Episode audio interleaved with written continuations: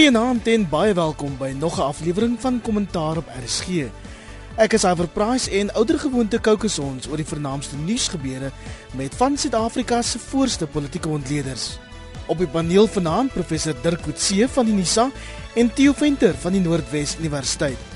Jy kan ook derentyd kommentaar lewer deur my op Twitter te volg en jou mening oor die sake van die dag te tweet. Bly ingeskakel. Net hierna praat ons verder.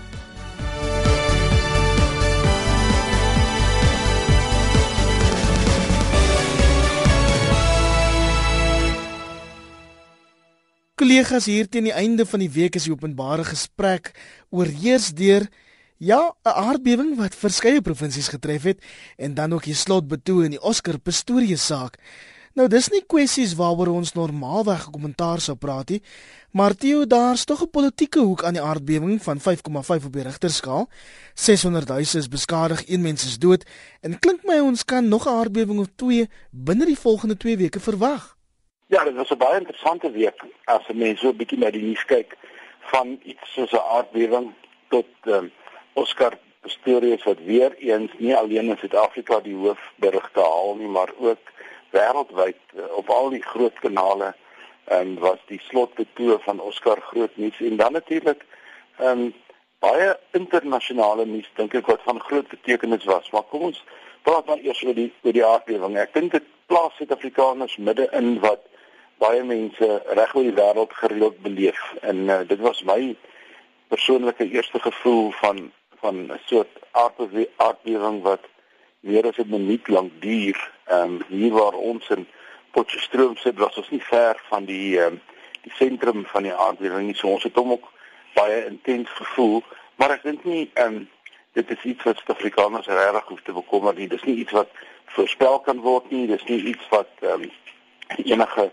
werklike ehm um, uh, iets is wat mense kan doen maar dit vra dit vra die vraag of Suid-Afrika as 'n land die soort van gereedheid het vir hierdie groot skaalse insidente en of plaaslike regering die um, vermoë het om met hierdie soort van ehm um, uh, probleme in te tree en en en en reg op te tree en dis meer. So ja 'n interessante belewenis maar ehm um, dis verby en 'n paar naskokke en deel van die geskiedenis. Jou reaksie Dirk? Ek stem saam met jou, maar ek dink daar's nog 'n ander dimensie wat te sprake is en dit is die moontlike koneksie wat dit het, het met die mynbedryf in die algemeen. Ehm um, en die feit dat daar sommige mense maak die aanspraak dat dit ehm um, as 'n effek is of 'n byproduk is van die ehm um, die die die verskynsel van die suurwater wat in die myne nou meer en meer na vore tree. Um, en dat dit die uh uh die spannings binne binne die myne tot 'n groot mate veroorsaak wat na dan na hierdie golwe of hierdie uh skokke tot gevolg het.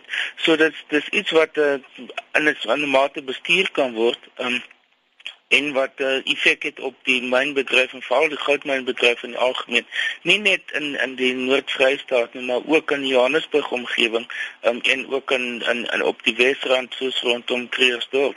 Nou as dit werklik die geval is dat dit die een van die belangrikste oorsake daarvoor was, uh, dan kan dit beteken dat ons vorentoe baie meer probleme gaan hê. Um, en nie net met uh, aardbewings nie, maar ook um, met sinkgate want uh, hierdie water wat in veral in die Dolomiete omgewings te sprake kom kan ook uh, baie definitief lei tot die tot sinkgate veral in woongebiede. Nou dis mense soos so Tony Turton met wie ek gepraat het verwys baie sterk da daarna. Ehm um, so dink wat ons eintlik hier sien is die van die effekte van wat oor meer as 'n eeu nou plaasgevind het van die effek van veral die goudmynbedryf op die die die, die leefwyse in Suid-Afrika in die algemeen. Ek wou nie regtig daarop gereageer het nie. Ek woon nou die afgelope 30 jaar op Potchefstroom en die eerste 20 jaar het ons gereelde ligte trillings gevoel wat direk aan die myne toegeskryf kon word. Mense kon weet toe in die middag wanneer hulle ondergrondse skietwerk doen, kon jy dit kon jy dit voel.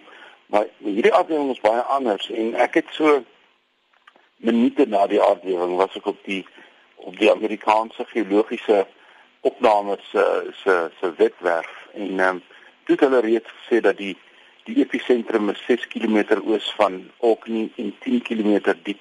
Nou geen Suid-Afrikaanse myn myn dieper as tussen 2 na 3 km. Dit is die diepste wat gaan 10 km ver dieper as wat enige myn in Suid-Afrika is. So ek is ek is meer geneig om die om die teorie, dis blote teorie, uh die teorie te ondersteun dat hierdie dinge eerder te doen met baie groter ehm um, geologiese formasies as met ek wil amper sê die oppervlakkige basis waarop ons met mynbou ehm um, op die op die aardkors werk. Maar waar jy reg is, is dit kan 'n effek hê op die stabiliteit en op die veiligheid van ons myne in die toekoms. Daar is jy reg.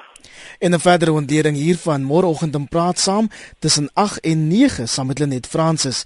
En dan kollegas 'n slotbetoon in die Oscar Pistorius saak die week gelewer.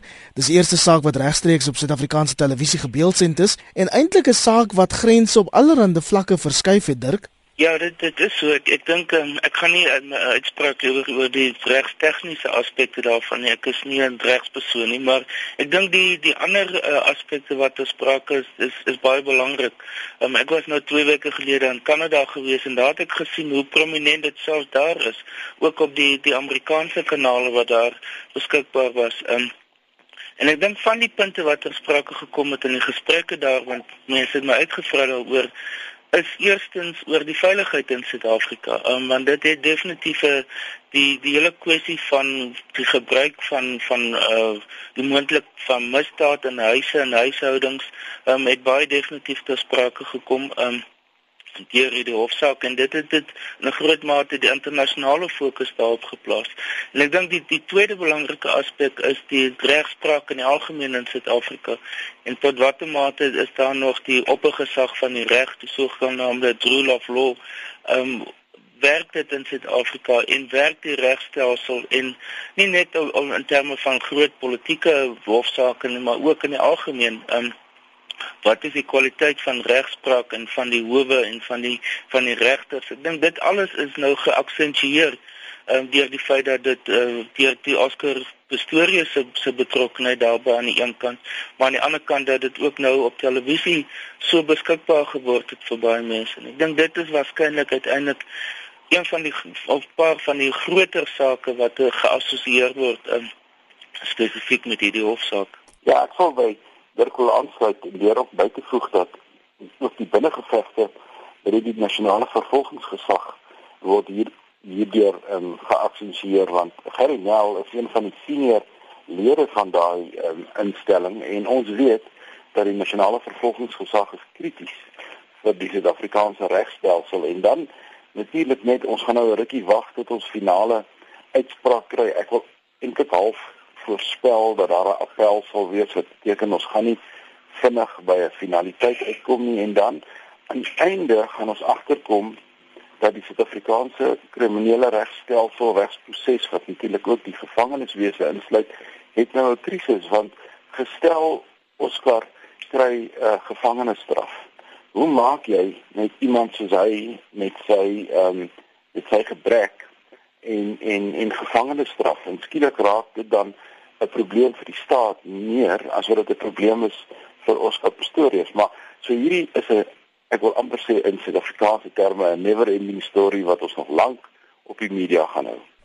En ander nuustalle staatshoofde en verteenwoordigers van Afrika state onder wie president Jacob Zuma was die week in Washington vir die Afrika-Amerika Leiersberaad en ons gaan vanaand verskeie aspekte daarvan bespreek maar Dirk kom ons begin by pogings om Amerika se visiepresident Joe Biden en senatore te oortuig om die Amerikaanse wet op groei en ontwikkeling in Afrika kortweg AGOA te verleng. Hoekom is dit so van kritiese belang? Wel, soos ek dit verstaan, is die die hoof fokus van hierdie wetgewing is om aan Afrika lande veral die uit die, die laer inkomste groeperings um dit moontlik te maak om na um, Amerika uit te voer sonder dat daar enige in, uh, invoertariewe daarop gehef word. Dit beteken dat hierdie produkte in die algemeen um meer kompeterend sal wees teenoor Amerika Amerikaanse plaaslike produkte um, en wat dit vir Afrika produkte baie groot voorsprong sal gee.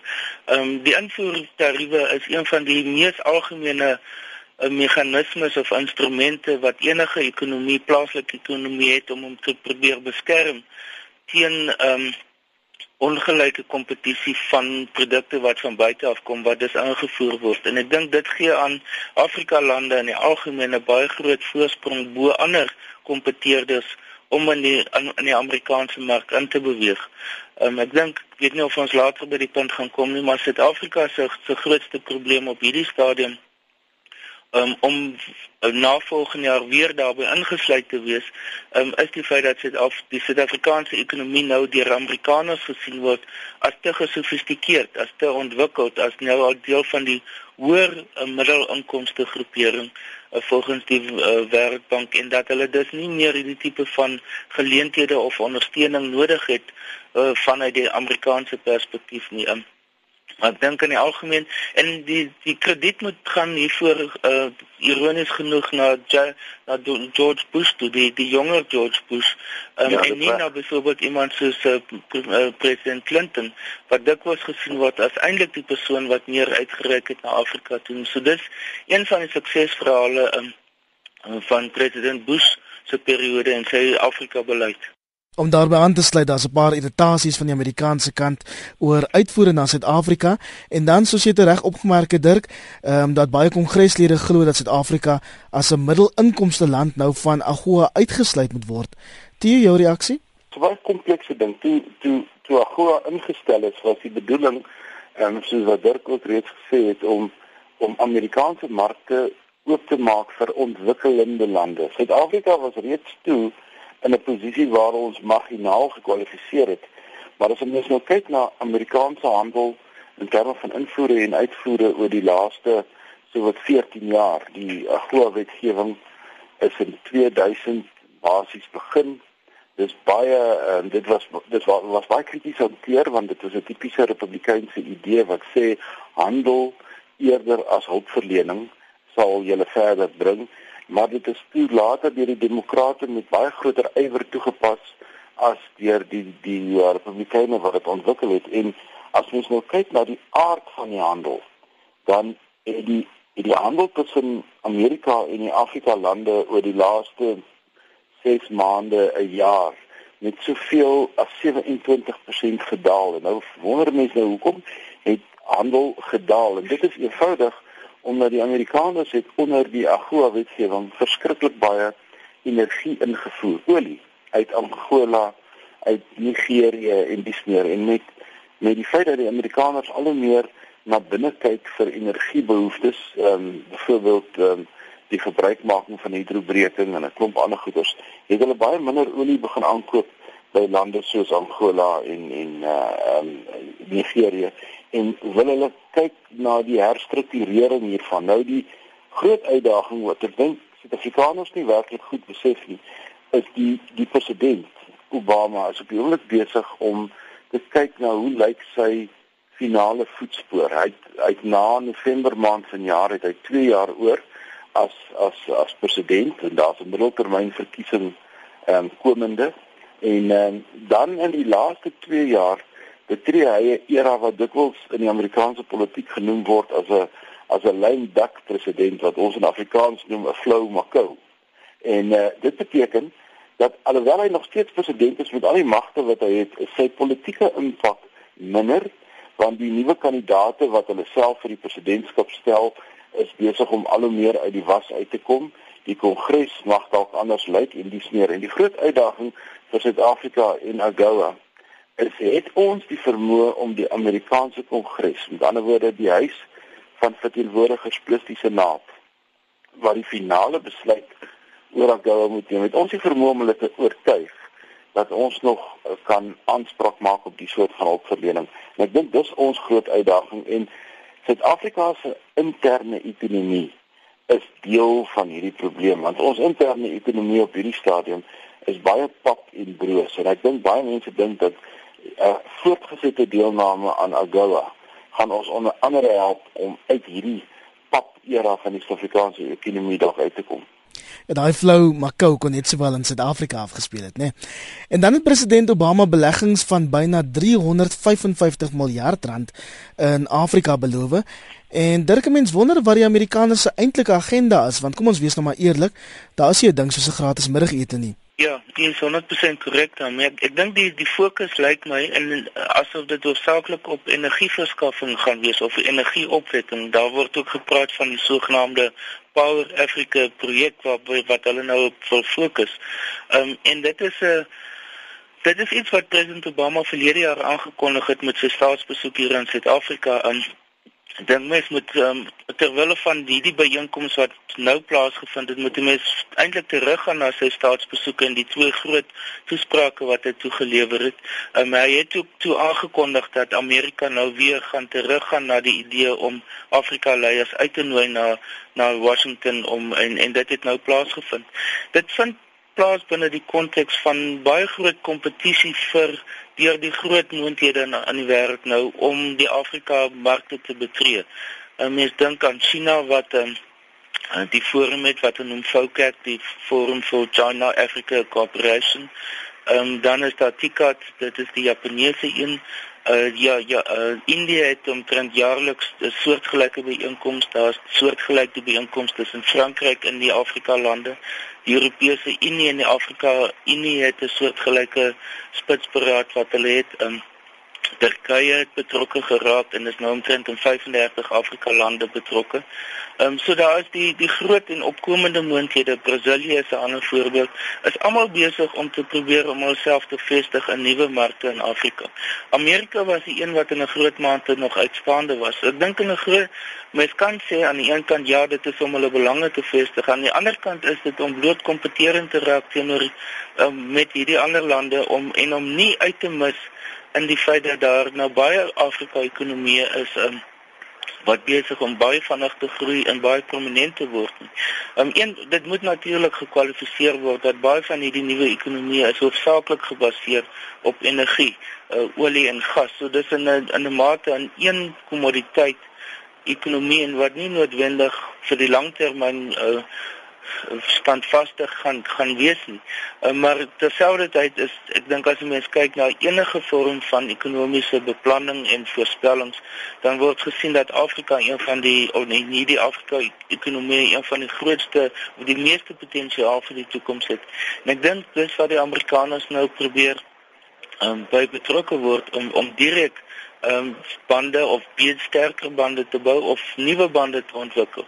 Ehm um, daar is natuurlik die kontroversie wat nou ter sprake is en dit is dat daar ehm um, en dis veral waar die Dr. Lamini Zuma ter sprake gekom het as verteenwoordiger van die Afrika Unie by hierdie gesprekke.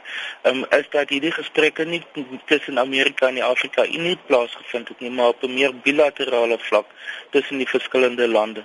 So daar is oor, oor die verhouding tussen die FSA en Afrika as as 'n geheel dink ek is daar nog sekere belangrike sake wat uh, vorentoe uitgeklaar gaan moet word. So omtrent 'n maand gelede het, het die Verenigde Nasies se ehm um, afdeling vir handel en nywerheid UNCTAD die syfers bekend gemaak vir watter lande investeer hoeveel in Afrika in die breë. Dit word genoem ehm um, foreign direct investment met ander woorde direkte investering van lande in Afrika. En die interessante ding is die Verenigde Nasies, ag die Verenigde State, FSA, se investering in Afrika en die van China loop amper hand aan hand in terme van persentasies en bedrae uh in die in die vernaamste ekonomieë in Afrika. So daar is 'n direkte kompetisie en ek dink die Amerikaners is pynlik bewus daarvan dat die Chinese um ook 'n soort van 'n investeringsstrategie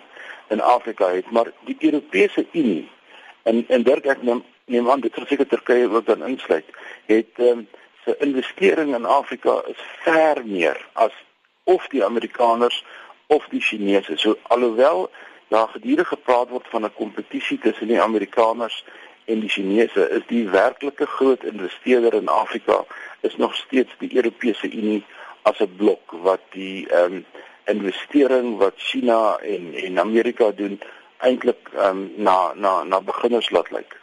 Ons moet aanbeweeg sulke hoofvlak vergaderings soos die wat ons die week in Washington gesien het, het mos 'n manier om sommer elke onderwerp onder die son aan te raak, Dirk.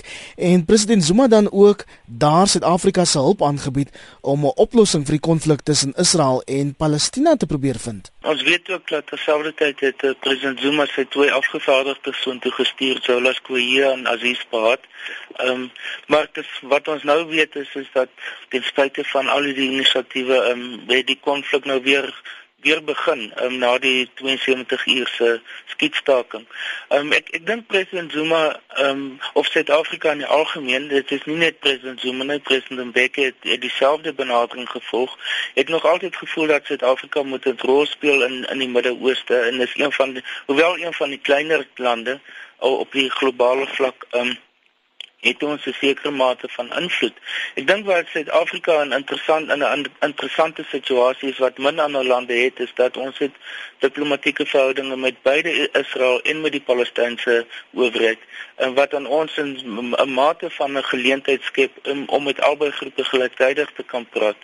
Ehm um, terselfdertyd het Suid-Afrika ook is al besig om meer en meer verhoudinge op te bou met met Iran en ons het nou gesien dat die die onderhandelinge met Iran het weer uh, hervat um, oor die kernaangeleenthede. Um, en dit is soos wat ek vroeër al gesê het ek dink ek dat die dat Iran eintlik op die lang termyn een van die heel belangrikste uh, spelers gaan wees in die as daar moontlik 'n ontlonding of 'n skikking in die Midde-Ooste tussen die Palestynë en die Israelies kan plaasvind dan sal uh, Iran direk daarbey betrokke moet wees um, omdat hulle veral so sterk ondersteuning um, aan Hamas gee maar ook as gevolg van die die regionale verhoudings wat tussen Israel en Iran uiteindelik tot stand sal moet kom. So ek dink Suid-Afrika sien homself as as 'n in die regering as 'n as 'n kleiner speler, maar een wat wel 'n rol kan speel in die die moontlike ontwikkeling van van hierdie verhoudings. Israel het gister 20 ligaanvalle in die Gaza-strook uitgevoer. Dit slo 'n reaksie op Hamas wat glo Vrydag vier pyl aanval op Israel geloods het en die jongste nuus was vanoggend dat Palestina dreig om vanaand nog van die onderhandelingstafel dalk weg te loop, Tio. Ja, ek dink ons sit met 'n baie komplekse situasie en ek dink Dirk is het sy het sy vinger op die pols as hy sê dat die die die sleutelspeler hier ehm um, is is Iran omdat Iran ehm um, uh, bepaalde ondersteuning bied aan die Palestynse owerheid en en maar ek dink ook ons moet mekaar duidelik sê dat die die ehm um, Arabiese lente wat hier so 2 2,5 jaar gelede begin het het 'n het 'n onstabiliteit in die Midde-Ooste veroorsaak in die breë. En Israel het die staat Israel het ehm um, in 'n groot mate baie opportunisties begin beweeg, het groter bewegingsvryheid begin ontwikkel omdat die ehm um, die eenheid in die Arabiese blok het begin het begin skibreek lê. Hy sit met met Sirië langs hom wat eintlik in 'n burgeroorlog gewikkel is en ek dink Israel het oor nou ons praat van die moderne Israel, ons praat van Israel na die Tweede Wêreldoorlog. Dit is hierdie dit dis die Israel waarvan ons praat. Ons praat nie van die die Bybelse of die ver historiese soort Israel. Hierdie is 'n moderne politieke verskynsel en ek dink nie ons gaan 'n oplossing kry in terme van ehm, 'n um, blywende oplossing voordat daar nie 'n deurtastende en um, gesprek plaasvind nie. En ek dink ook nie 'n oplossing is moontlik met iemand soos meneer Netanyahu as as die as die premier in Israel nie. Hy is bekend as 'n baie baie uitgesproke, hy's regs in die Israeliese politieke ehm um, definisie van wat regs is. En ehm um, die die geskiedenis wys maar net dat wanneer jy so 'n soort leier aan die Israeliese kant is wat ehm um, wat dit vir dit speletjie speel met politiek en met met optrede en wat op een of ander manier ehm um, sekere dinge wil afdwing, is die soeke vir 'n oplossing is nie maklik nie. Uh, maak nie saak hoe jy na die situasie kyk nie. En die interessante ding is net as jy na Suid-Afrika kyk, die die die uit die impak wat dit in Suid-Afrika het, die optog in in die in die in die gedurende die week in in Johannesburg, die optog in die Kaap oor die naweek, dit het hier by ons ook 'n baie emosionele uitspeel op ons op ons plaaslike politiek. En ek hoor dat van die groot sakemanne en besigheidsleiers in Suid-Afrika met sterk Joodse koneksies, ehm um, begin baie ongemaklik raak ten opsigte van die regering se pro-Palestynse verhouding. So dit het by ons 'n baie groot plaaslike impak ook ten spyte van die feit dat dit duisende kilometers ver weg is. Dis my interessant want Suid-Afrikaners is maar oor die algemeen nogal blasé oor wêreldnuus, maar gister alleen in Kaapstad 60000 mense wat opgeruk het vir 'n pro-Palestynse betoging, Dirk. Ja, ek dink dit is besig om te ontwikkel in 'n in 'n redelike massa beweging.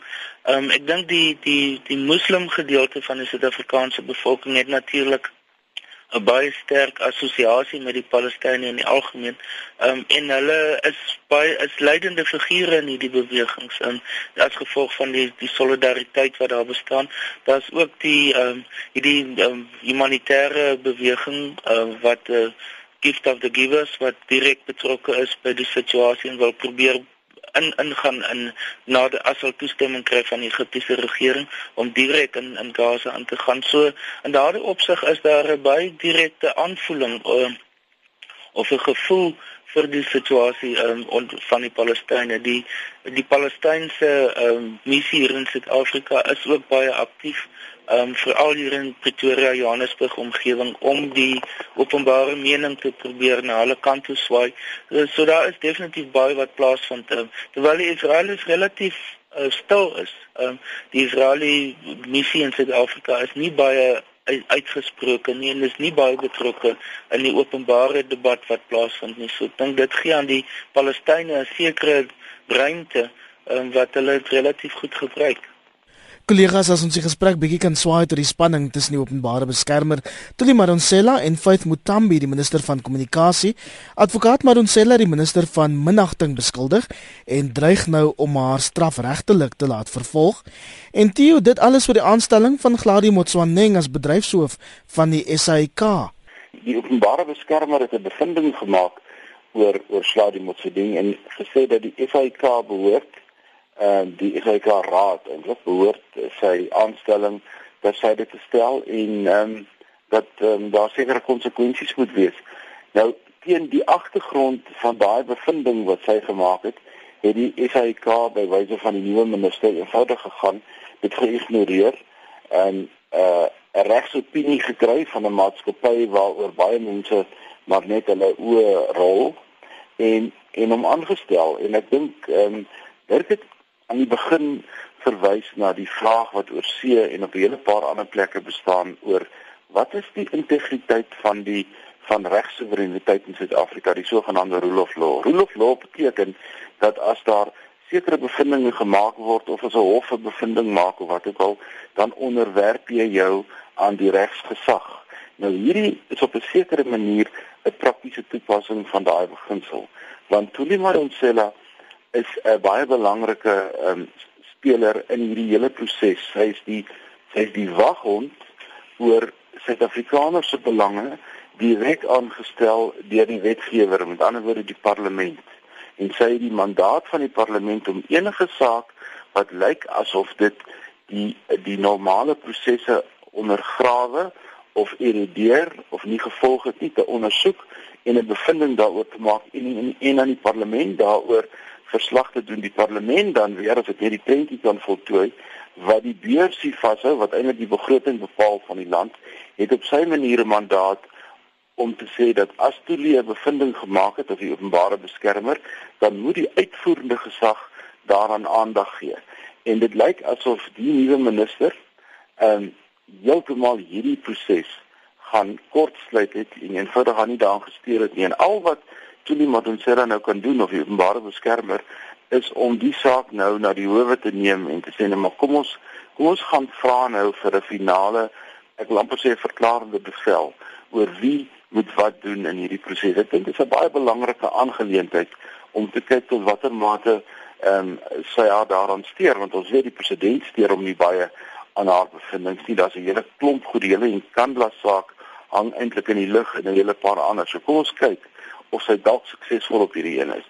Maar as in die laaste ruk dat die openbare beskermer eintlik al keelvol is want baie politici soos jy nou net uitgewys het, steur hulle eenvoudig nie aan haar nie, Dirk. Ja, ek ek dink hierdie hierdie spesifieke saak gaan dalk 'n bietjie verder en dit is dat ehm um, en hierdie aansoek wat sy nou bring, ehm um, dink ek gaan oor hoe sy hoe vorentoe haar posisie as 'n hoofstuk 9 instelling van die grondwet. Ehm um, wat wat is die magte wat daaraan toe geïnterpreteer word? En ons weet dat byvoorbeeld een van die ander instellings, die ouditeur-generaal se bevindings word omtrent nooit bevraagteken nie. Dit gaan na die parlement toe. Ehm um, en dit word geïmplementeer in die in die verskillende staatsdepartemente moet daarop reageer. Ehm um, die verkiesingskommissie wat een van die ander instellings is, ehm um, se gesag word ook nie in 'n groot tot a, tot enige mate uitgedaag deur die politieke partye wat deelneem aan die verkiesings en die kandidate wat deur hulle geïdentifiseer word nie.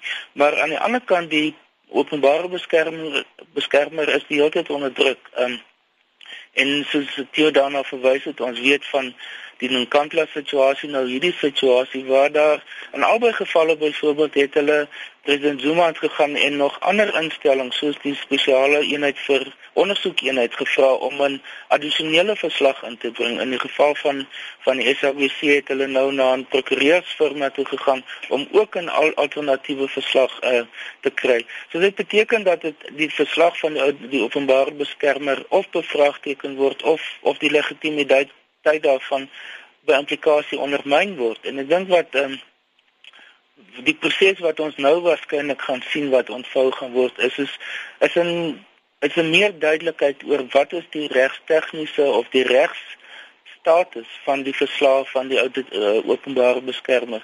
Die een dilemma van van die proses wat wat daar kantoor volg is die feit dat dit nie in 'n regsproses getoets word nie. Ehm um, sy doen 'n ondersoek soos enige kommissie van ondersoek, maar daar is nie kruisondervraging te sprake nie. So die uiteindelike verslag wat wat sy wat haar kantoor vrystel, ehm um, is 'n verslag wat nie dieselfde status het as as 'n hofuitspraak nie. En dit is nie die die bindende krag van 'n hofuitspraak nie. En ek dink wat nou hier ter sprake gaan kom is wat is werklik die status van haar tipe van verslag? Tot hoe mate is dit afdwingbaar ten spyte daarvan dat dit nie die status van 'n hofuitspraak het nie? Maar is dit iets soortgelyks aan die verslag van 'n openbare of van die ouditeur-generaal of die um, die beslissings van van verkiesing van die verkiesingskommissie en selfs van van die ander instellings. So ek persoonlik dink dis 'n baie belangrike punt wat nou bereik is in die hele ontwikkeling van die kantoor van die openbare beskermer. Kollegas, die tyd is besig om ons in te haal, maar ek wil afsluit met buitelandse nuus. En sowat 100 000 mense het die week vir die eerste keer sedert 1991 daai verbrokkeling van die Sowjetunie op die Rooiplein vergader. Die oorneem van die Krimskiereiland in die Oekraïne het patriotisme weer laat opvlam en die koerante sê president Vladimir Putin se vlam glo helderder laat skyn. Kortliks jou reaksie op die gebeure, Tieu. Ja, ek dink sedert die um vliegtuig geval het in in die Oekraïne het dit weer eens net 'n fokus geplaas op 'n deel van die wêreld wat ek dink vuurwarm is. Die die die Russiese oorneem van van die Krimskiereiland was natuurlik wat my aanbetref 'n blaatante stuk kolonialisme alhoewel daar 'n lang historiese aanloop was. En dit lyk vir my ons is op pad daarna toe om te sien dat die oostelike gedeelte van die Oekraïne op een of ander manier 'n um, uh of 'n autonome politieke entiteit gaan word of 'n gedeelte binne die Oekraïne gaan word wat deur die Russe beheer gaan word of selfs op 'n manier 'n nuwe 'n nuwe ehm um, politieke uh, entiteit kan word. Die implikasie is natuurlik soos wat ons op die oomblik dinge sien dat dit 'n groot impak het op op internasionale verhoudinge. Die die Russe wat uh, gereageer het op die Amerikaanse sanksie instelling en die Europese sanksie instelling wat uh, op hulle manier weer gesê het hulle gaan die Europese ehm um, groente en en vrugte invoer nie. En interessant genoeg om net Suid-Afrika daaraan te haak ehm um, die een van die een van die reëls of een van die ooreenkomste wat lyk vir my in beginsel gemaak is is dat Amerikaanse pluimvee, Amerikaanse hoenderprodukte sal nou weer na Suid-Afrika uitgevoer word binne die AGOA reëls. Wat beteken dat die voordele wat Suid-Afrikaanse boere, kleinveeboere gekry het 'n jaar of wat gelede toe die regering 'n uh, sterker maatreëls aange aangetref het word nou weer hersien want die Amerikaanse hoenderboere, een van hulle grootste uitvoermarkte, was na Rusland toe. Nou kan hulle nie meer hulle produkte sien toe uitvoer nie. Hulle soek nou ander markte. So op 'n interessante manier het die sirkel Suid-Afrika ook ingesluit. Die situasie in in Oekraïne is besig um, of is 'n 'n groot mate 'n simptoom van 'n baie groter, baie ambisieuse uh, plan wat uh, president uh, Putin het om Rusland weer terug te neem na 'n situasie selfs voor 1917 um, en omdat Rusland herstel moet word as een van die groot moondhede in die wêreld. Sy betrokkeheid by BRICS beteken dat hy oom in 'n groot mate distan gedistansieer het nou van die G8 en dat hulle weer terug is na die G7 en dat daar nou 'n 'n nuwe magsblok binne die wêreld besig is om te ontstaan waarvan Rusland 'n baie prominente land wil wees. En dan dat hulle 'n mate van hegemonie in die Kaukasus gebied um, die die die die die oorgang tussen uh, Asië en Europa wil hê en en dat hulle 'n werklike magsfaktor daar wil wees, NAVO wil uithou en iets soortgelyks, nie dieselfde nie, maar soortgelyks aan die Europese Unie onder leiding van van Rusland en daardie omgewing wil opbou. So daar's baie ambisieuse planne uh, wat Putin in die, in die pipeline het en en die en hy gebruik Russiese nasionalisme verwysing na die ou komponiste na hulle ou groot skrywers as 'n motivering daarvoor. So ek dink uh, ons gaan nog baie met Rusland in die toekoms te maak hê en daar gaan groot spanning wees tussen Rusland, Europa en en die VSA. Kollegas, dis ongelukkig alwaarvoor ons tyd het vanaand op kommentaar. My naam is Iver Price en baie dankie aan die paneel, professor Dirk Coetzee van die Nisa Naand sê Dirk. Goeienaand, Iver. En Theo Venter van die Noordwes Universiteit. Nancy. Bly ingeskakel, finansiële fokus volg net hierna.